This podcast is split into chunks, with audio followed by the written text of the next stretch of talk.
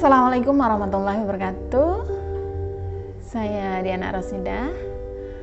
Senang sekali jumpa dengan muslimah soleha semua di Nana Podcast.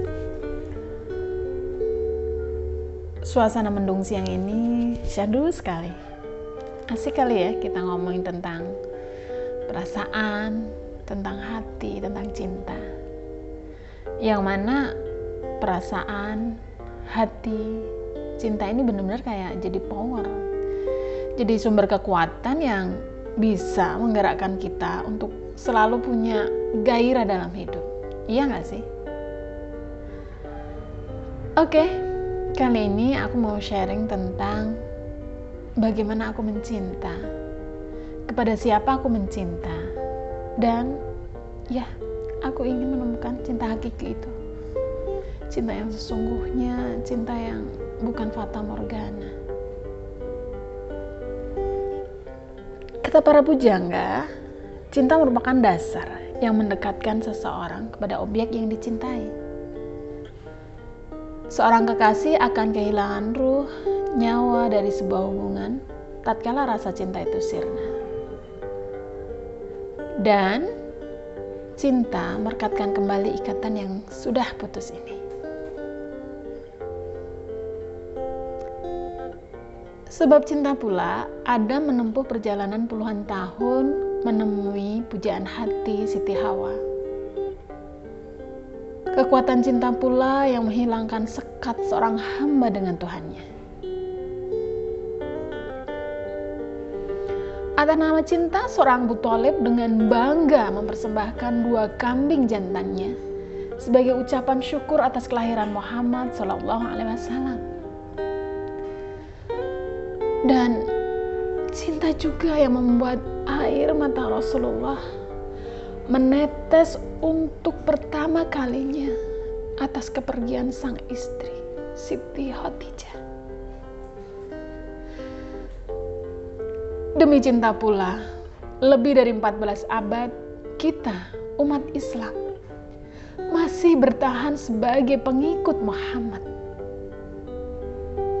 Risalah Islam adalah pesan cinta, harmoni, dan kerinduan itu sendiri. Cinta itulah yang tersisa dari kami umatmu, wahai Muhammad.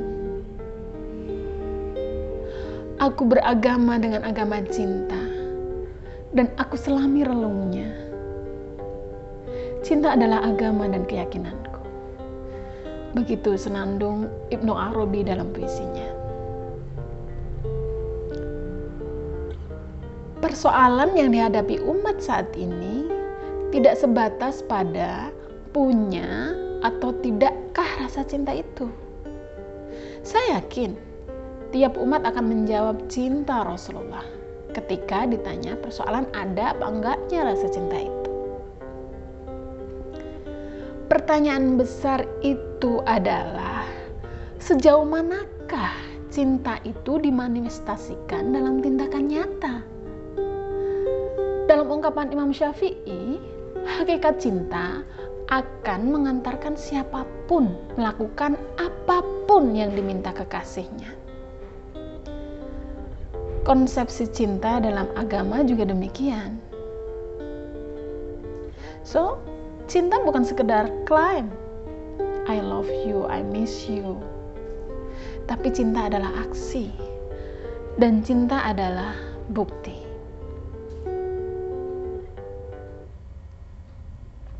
Kekuatan cinta yang menggerakkan hati dan fisik pada generasi awal Islam, memegang teguh agama dan menyebarkan risalah ini. Mereka rela mempersembahkan yang terbaik untuk Tuhan, agama, dan nabi yang mereka cintai. Atas nama cinta, peradaban Islam memuncaki masa kegemilangan selama berabad-abad. Dan sebab cinta, umat saat ini kian tercerabut dari akar dan esensi dari ajaran Muhammad Sallallahu Alaihi Wasallam. Cinta tak lagi dianggap sebagai substansi dan pesan agung agama. Hilangnya cinta bermakna hilangnya kerinduan. Sirnanya kerinduan menandakan betapa keberagaman keberagamaan kita sesungguhnya disadari atau tidak berada dalam titik nadir itu. Betapa seorang Umar bin Khattab pernah berlinang air mata. Tatkala mendengar sayup-sayup perempuan renta bersenandung meluapkan kerinduan kepada Rasulullah. Atas Muhammad Sallallahu Alaihi Wasallam, salawat terbaik manusia-manusia pilihan. Engkau senantiasa bangun dan menangis di waktu sahur. Wahai, dekatkanlah aku dengan asa dan masa Apakah engkau akan mengumpulkanku dengan kekasihku Muhammad?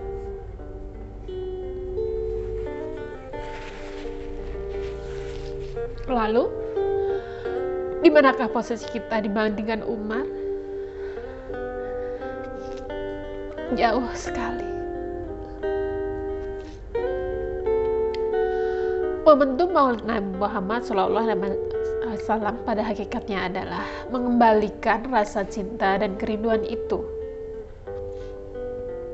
Peringatan ini mengajak kita kembali mengingat siroh agung baginda Rasul dengan segala yang berkenaan dengan kehidupan Muhammad SAW sejatinya adalah teladan terbaik, idola terbaik. Maulid yang tidak sebatas ritual, tetapi adalah momentum merevolusi mentalitas kita, membangkitkan semangat perubahan dari tubir ke, dari tubir keterpurukan, menghadirkan kembali rasa cinta di tengah-tengah menguatnya kebencian di tengah-tengah kita. Peringatan yang mendorong motivasi juang para pasukan Sultan Salahuddin Al-Ayubi, penguasa dinasti Ayubiyah, gagah berani dalam perang salib. Maulid yang sama menjadi harapan besar bagi kita semua. Bagaimanapun, kecintaan kita kepada Rasulullah adalah modal kita mengentaskan bangsa Indonesia dari beragam persoalan, bangsa-bangsa Muslim lain dari beragam persoalan. Teologi pembebasan yang merupakan inti dari kelahiran Sang Purnama adalah roh utama bagaimana masyarakat terbebas dari kemiskinan, kebodohan, dan kesewenang-wenangan. Dan pada akhirnya, maulid kali ini kembali melunakkan hati kita yang perlahan atau jangan-jangan begitu cepat semakin mengeras di tengah zaman yang oleh Rabkes disebut sebagai era postrat.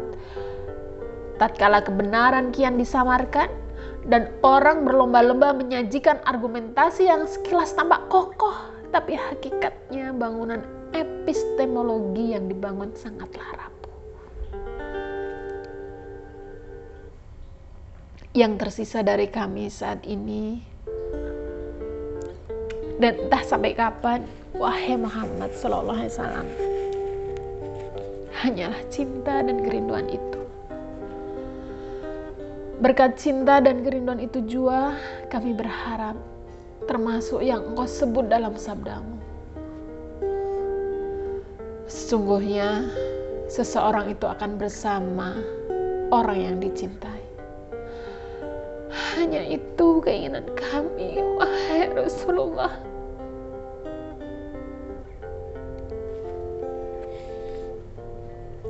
Ya, itulah keinginan kami.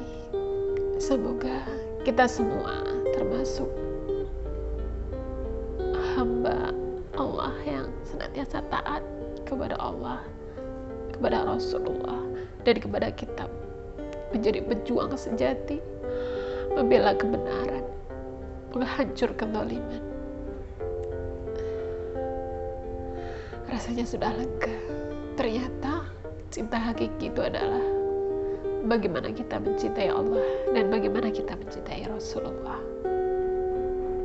Terima kasih sudah mendengarkan curhatan hari uh, hati saya pada siang hari ini. Mohon maaf jika ada suara-suara yang tidak enak didengar. Ya begitulah saya. Assalamualaikum warahmatullahi wabarakatuh.